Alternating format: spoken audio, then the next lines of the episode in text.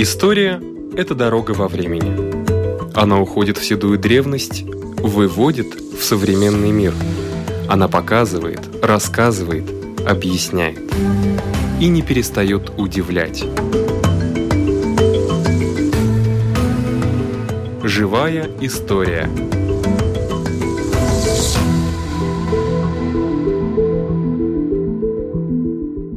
У микрофона Лидия Чера.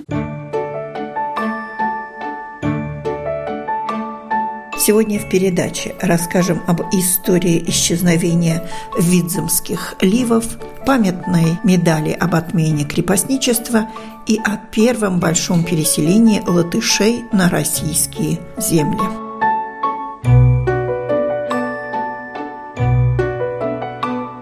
Сегодня мы говорим о филологии и представляю профессора Латвийского университета Янину Курсит. Меня всегда интересовала одна часть Латвии в Курземе принадлежит ливам, и недалеко от Салацгривы тоже есть такой участок нашей латвийской земли, где тоже жили ливы. Но откуда в Латвии появились ливы и ливский язык? Я знаю, что это считаются как бы основными жителями Латвии. Немножко так, ликбез. Наверное, стоило бы задать вопрос, я думаю, по отношению к себе, откуда латыши появились. Ну. наши предки или другие народности.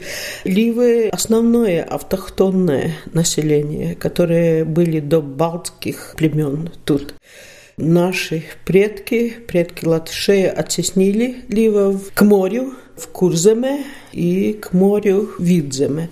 В истории более известны курземские ливы. Они самые близкие родственники эстонцам, родственники финнам, и поэтому неудивительно, что основные исследования по истории, по языку, по культуре ливов принадлежали до недавних пор и по-прежнему так приоритет финским, эстонским исследователям, но и латышские исследователи тоже приложили руку в хорошем понимании слова. Сложнее вопрос с видземскими ливами. Каким образом они исчезли примерно в середине XIX века латышский поэт Аусеклис пишет такое стихотворение, посвященное, как он написал, последнему ливу Видземе Густу Бисенеку.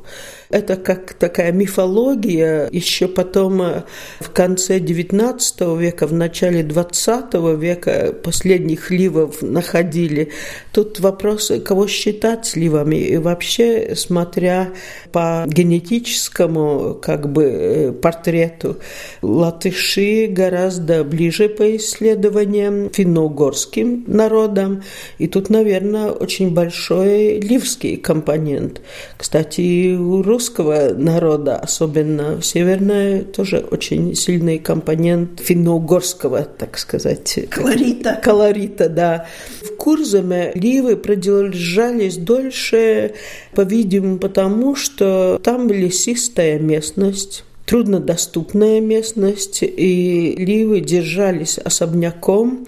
В Курзаме ливам было такое один, когда был мор, вымирали, и в Видземе тоже мор еще угу. в начале XVIII века, и потом чума. Но все равно чума остается чумой, кто-то выживал, и кто-то оставался, и язык оставался, культура оставалась. Но тут вопрос о том, как в первой половине XX века относились к меньшинствам. Это не только в Латвии, mm-hmm. это во всей Европе, даже во всем мире ну, чего надо как бы оттолкнуть в угол. И сами Ливы в 20-е, 30-е годы еще в экспедициях приходилось интервью делать у потомков Ливов.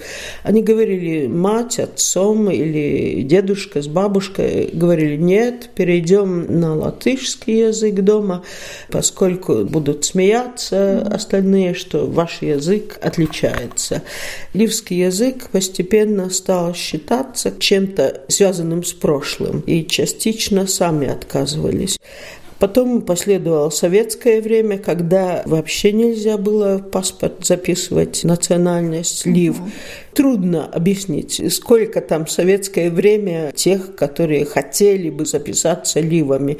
Ну, не больше 100-200. Что за аргументация, почему нельзя? И, кстати, писатели такие, как Оярс Вациетис и, по-моему, ряд русских писателей Латвии тоже пытались заступиться за ливов, но таких, что можно написать национальность лив, не удалось в советское время добиться, но началось движение ливов начиная уже с конца 70-х, там 80-е годы, но это в Курзаме. Видземе был молчок, якобы там ничего нет. Но когда едешь по Видземе, там действительно Лимбашский край и Салацгривский край, там посмотришь название местности явно не балтийского происхождения.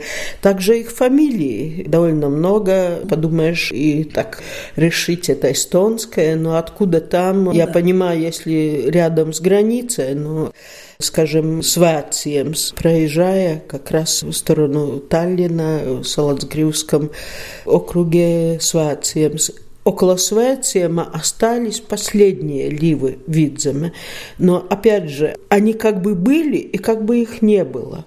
В середине XIX века финский исследователь Шегрен организовал экспедицию к Ливам в Курземе и Видземе.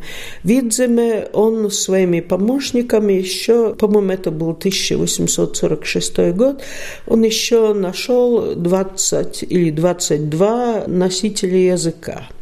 Но, опять же, говорил, что в записях его, что некоторые говорят, что они потомки Ливов, но когда их спрашиваешь о языке, они говорят, что не знают. И даже женщин такими эпитетами, ну, глупые женщины, они, так сказать, ничего не помнят. Тут другое дело. Ливы столько лет, так же, как другие маленькие народы, волей-неволей, когда сталкиваешься с чужаками, ты от них не ожидаешь добра. Это история учит, и история каждого человека. И поэтому ливы на всякий случай, они говорят, нет, не знаем, да. чтобы ничего не было, как бы чего не вышло плохого. По-видимому, еще в начале XX века, как кухонный язык, он еще в некоторых семьях сохранялся, когда хотели что-то передать друг другу, чтобы, скажем, дети или внуки не понимали. Кстати, слышала о таких случаях, что как бы тайный язык.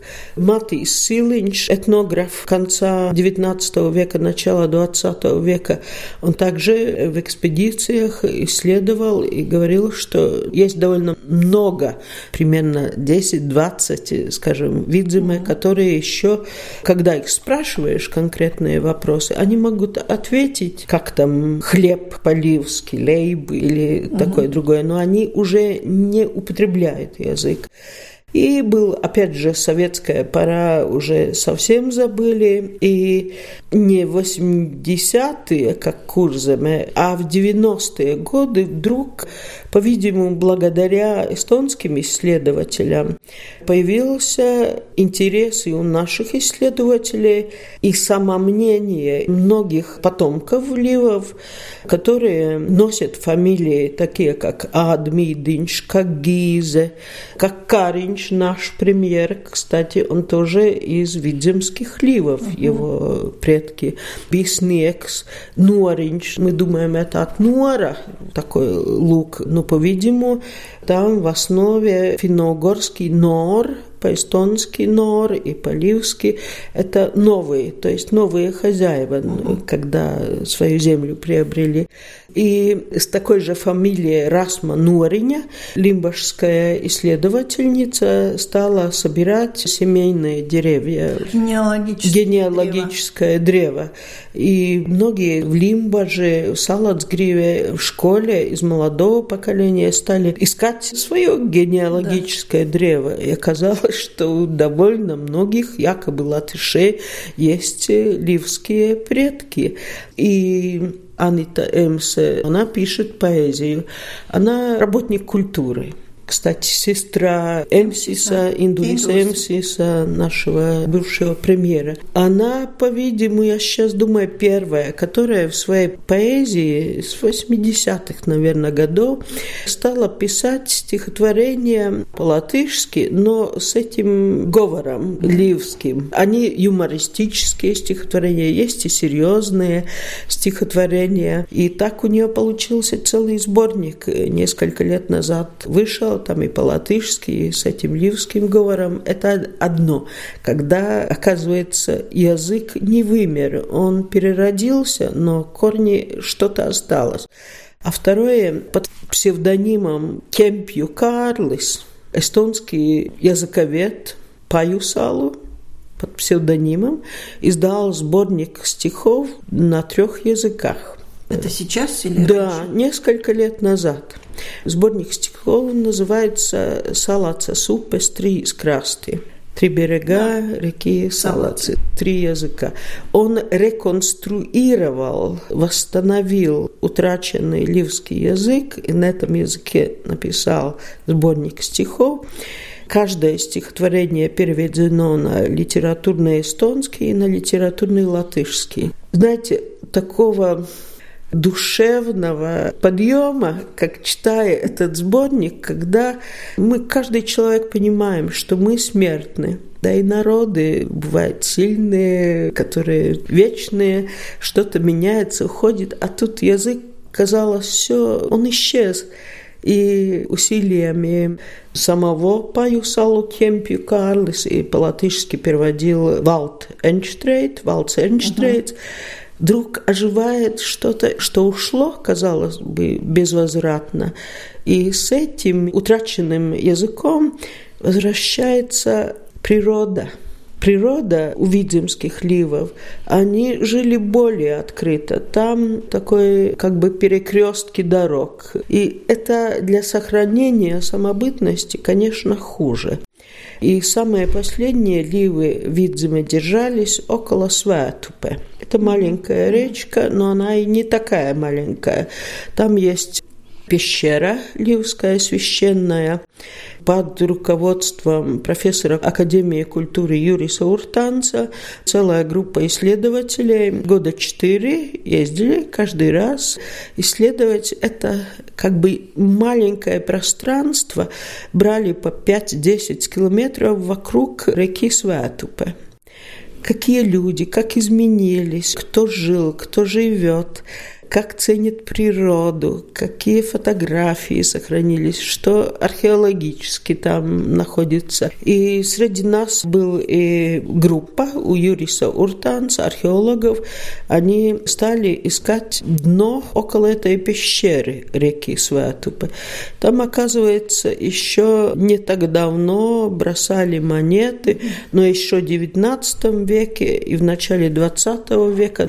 Но сейчас мы бросаем монеты монеты иногда в реку там Праге или в другом месте для того, чтобы возвратиться. Но ливы верили, что эти пещеры священны, и в реке Святупе живет священные духи, которые помогают им. И когда бросают монеты, не только монеты, там археологи находили, значит, вера ливов и потомков, уже облатышевших ливов, видно, жила довольно довольно долго, еще вплоть, по-видимому, до Второй мировой войны. И сейчас Расман Уориня написала книгу о генеалогических древах видземских ливов. И тут можно задать следующий вопрос. Может, он риторический, может, нет. Что в современном мире ценно?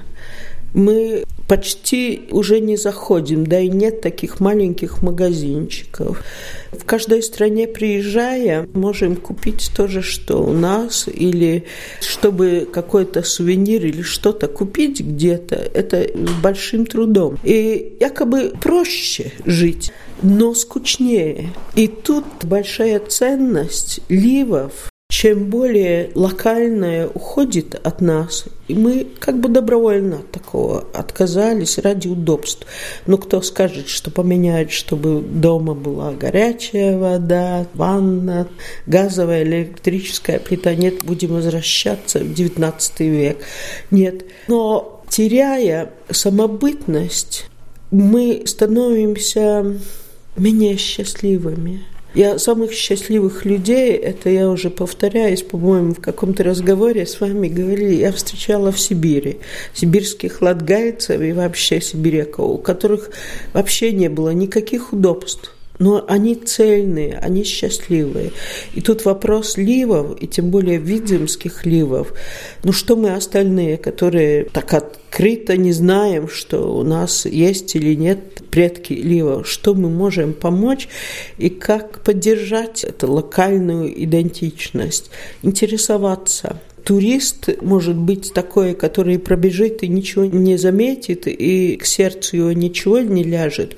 Но турист может быть тот, который похлопает по плечу местного энтузиаста или с радостью послушает местную песню на местном говоре или еще какое-то своеобразие. Такое же своеобразие, как, скажем, я сравниваю, приходит на ум экспедиции Полесья Беларуси. Беларусь без Полесья – это не та Беларусь. И поэтому в каждой стране у нас есть такие маленькие, якобы незначительные культурные островки, благодаря которым мы чувствуем осознанно, а может быть даже неосознанно, более счастливыми и более полными. Ливы – это вопрос и природы, экологии природы. И даже немножко поинтересуясь ливами, мы больше полюбим Латвию.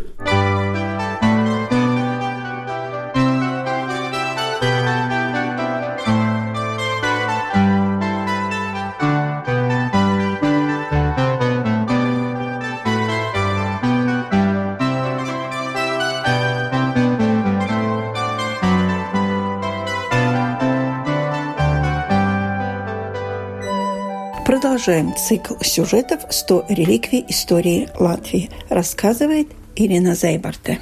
Большинство крестьян на территории Латвии уже со средних веков были крепостными. И это ущемление личной свободы, оно было, я думаю, довольно большой трагедией, может быть, даже самой большой трагедией для нескончаемых поколений латышских крестьян, как, впрочем, и других национальностей, и других странах, где существовало крепостное право.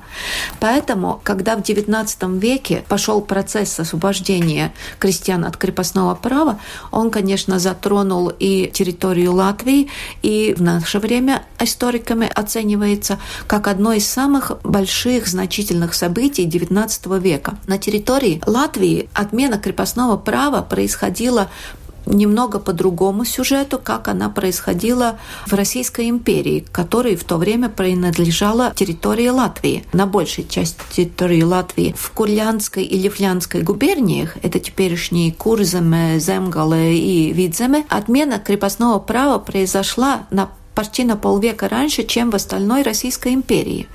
Это связано, конечно, и с тем, что большая часть земли принадлежала оздейским помещикам, то есть помещикам дворянству немецкого происхождения, и они были готовы, по всей вероятности, быстрее принять отмену крепостного права, чем в самой России.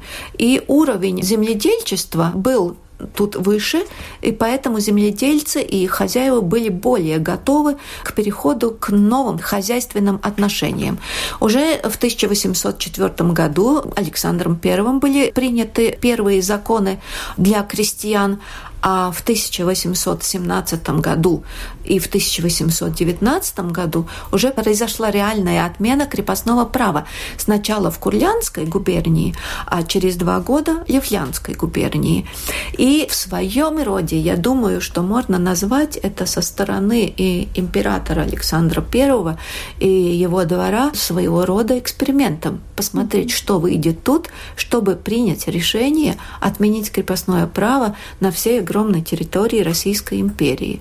И после того, как этот эксперимент закончился удачно, потому что в 40-е годы XIX века на территории Латвии уже произошли такие перемены, что их можно уже назвать началом индустриального переворота. Отношения хозяйственные изменились настолько, и благосостояние крестьян, в том числе и бывших помещиков, улучшилось настолько, что уже, конечно, не Александр I, а его племянник Александр II принял решение отменить крепостное право на всей территории Российской империи. Этот эксперимент, в кавычках, конечно, он на территории Курляндии и Лифляндии длился очень долго, постепенно, потому что сначала крестьяне стали просто свободными лично, но они еще не имели земли.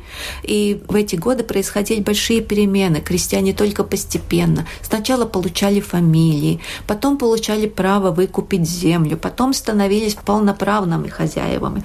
Но в 1861 году это очень-очень значительное событие произошло во всей России, и в том числе в Латгалии. Латгалия – это отдельная история в истории Латвии, потому что Латгалия во время царской России входила в состав Витебской губернии, а Витебская губерния не подошла по своему уровню под этот эксперимент, так называемый начало XIX века. И в Латгалии, как и во всей России, крепостное право отменили только в 1861 году. Так что мы можем сказать, что на территории Латвии отмена крепостного права произошла только, полностью завершилась в 1861 году. И то, что это было очень важное событие, об этом говорит и одна из реликвий нашего музея и нашей книги.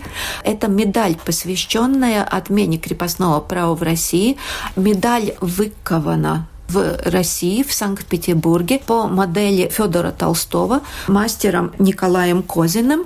И она является, может быть, не настолько уникальной по редкости своей. Эти медали есть и в других музеях, но она и является реликвией, уникальным экспонатом именно по своему содержанию, потому что она изменила можно сказать, навсегда изменила судьбы тысячи тысяч крепостных, а если посмотреть на всю Российскую империю, то и десятков миллионов. Она повернула развитие России и, конечно, Латвии. Медаль имела своего хозяина? Нет.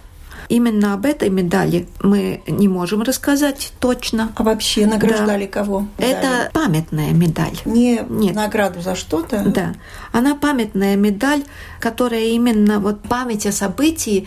И я думаю, что то, что она рождается уже через год после отмены крепостного права, это уже означает ее значение, подтверждает ее значение. Рассказывала Ирина Зайбарте.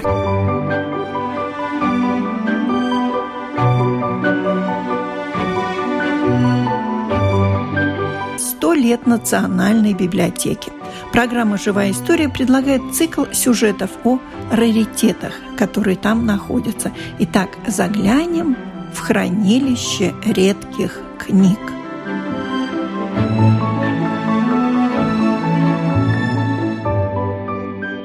Историк Мартин Шмейнтаурс Опять очередная выставка в Национальной библиотеке. Да. И посвящена она... Посвящена эта выставка истории латышских переселенцев в России и называется выставка «Латыши в России». Охватывает период времени с середины XIX века по начало XX века до начала Первой мировой войны. Но на этот раз выставка это, как теперь говорят, называется виртуальная, потому что она доступна постоянно на электронном сайте сайте Латвийской национальной библиотеки, там, где есть отдельный раздел актуальности и выставок. А почему люди переселялись в XIX веке из Латвии куда-то? История это довольно долгая и интересная, потому что переселение началось как раз в середине XIX века после отмены крепостничества в прибалтийских губерниях, что произошло на несколько десятилетий раньше, чем во всей Российской империи. И в 40-е годы XIX века получилась такая ситуация, что стало не хватать свободной земли, пахотной земли для местных жителей, потому что местные крестьяне получили право на то, чтобы выкупить у помещика ту землю и тот хутор, в котором они жили, и землю, на которой они работали, но это, конечно, происходило очень постепенно, они выплачивали довольно долгие проценты и большие проценты банкам и помещикам вплоть до начала XX века, и в силу этих обстоятельств в первую очередь появились такие слухи, что если перейти из лютеранства в православие, то есть как бы в официальную веру Российской империи, как тогда это понималось в крестьянской среде, то можно будет легче достать свободные пахотные земли, которые предлагались внутренним колонистам в разных областях Российской империи. Ну, там в 40-е годы XIX века шла речь в основном о том, что можно будет переселиться в так называемые теплые земли, то есть в губернии около южного города Ейска и поближе к Черному морю. И тогда можно будет там получить от государства землю и там обосновываться на жизнь. И я знаю, что много желающих было. Было очень, конечно, много желающих, но власти а, Российской империи поначалу это движение переселенцев не одобряли. И также на этой выставке, которую создавали два специалиста в этой области, то есть историк из Национального музея истории Латвии Том Стикуц и историк книговедения Лилия Лимана из нашего отдела рукописей редких книг Национальной библиотеки, они они там в этой выставке предъявили интересные материалы, также выписки из э, протоколов и служебных донесений разных э, учреждений Министерства внутренних дел Российской империи, в которых говорится о том, что не одобряется массовое переселение крестьян из Курляндии или Финляндии в какие-нибудь там другие губернии, потому что это как раз не было выгодно местной экономике, местному курлянскому или лифлянскому помещику, который конечно, был заинтересован, чтобы удержать рабочие силы здесь на месте. Но все-таки, начиная с 1863 года, когда уже произошла поголовная отмена крепостного права в Российской империи, и когда изменился паспортный режим внутренний, и стало легче для крестьянина получить паспорт и уйти или в другой уезд прибалтийских губерний, или попасть в Ригу из крестьянина стать рабочим в рижской какой-нибудь какой-нибудь фабрики, и также и э, вообще перемещаться и переселяться по территории Российской империи. И тогда, начиная со середины 60-х годов XIX века, тогда уже не было таких формальных препятствий для того, чтобы отказать крестьянам в переселении в другие губернии.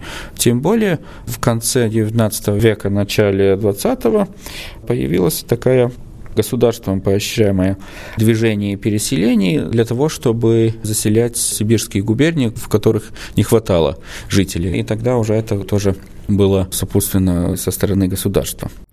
Да, это я слышала, но какое количество вообще есть? Э, да. Известно уже? Э, известно по данным переписи населения Российской империи 1897 года.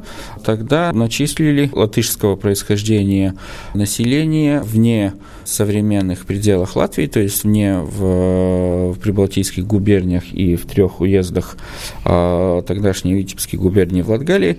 А, значит, вне латвийской территории жили тогда на Российской империи, в разных областях Российской империи около 110-112 тысяч латышей переселенцев. Основная часть этих переселенцев, то есть около 70%, это были как раз крестьяне, которые безземельные. безземельные здесь, но там устроили свои крестьянские колонии, которые расширились от э, белорусских земель, от Могилевской губернии, Минской губернии, Смоленской губернии, вплоть до Восточной Сибири.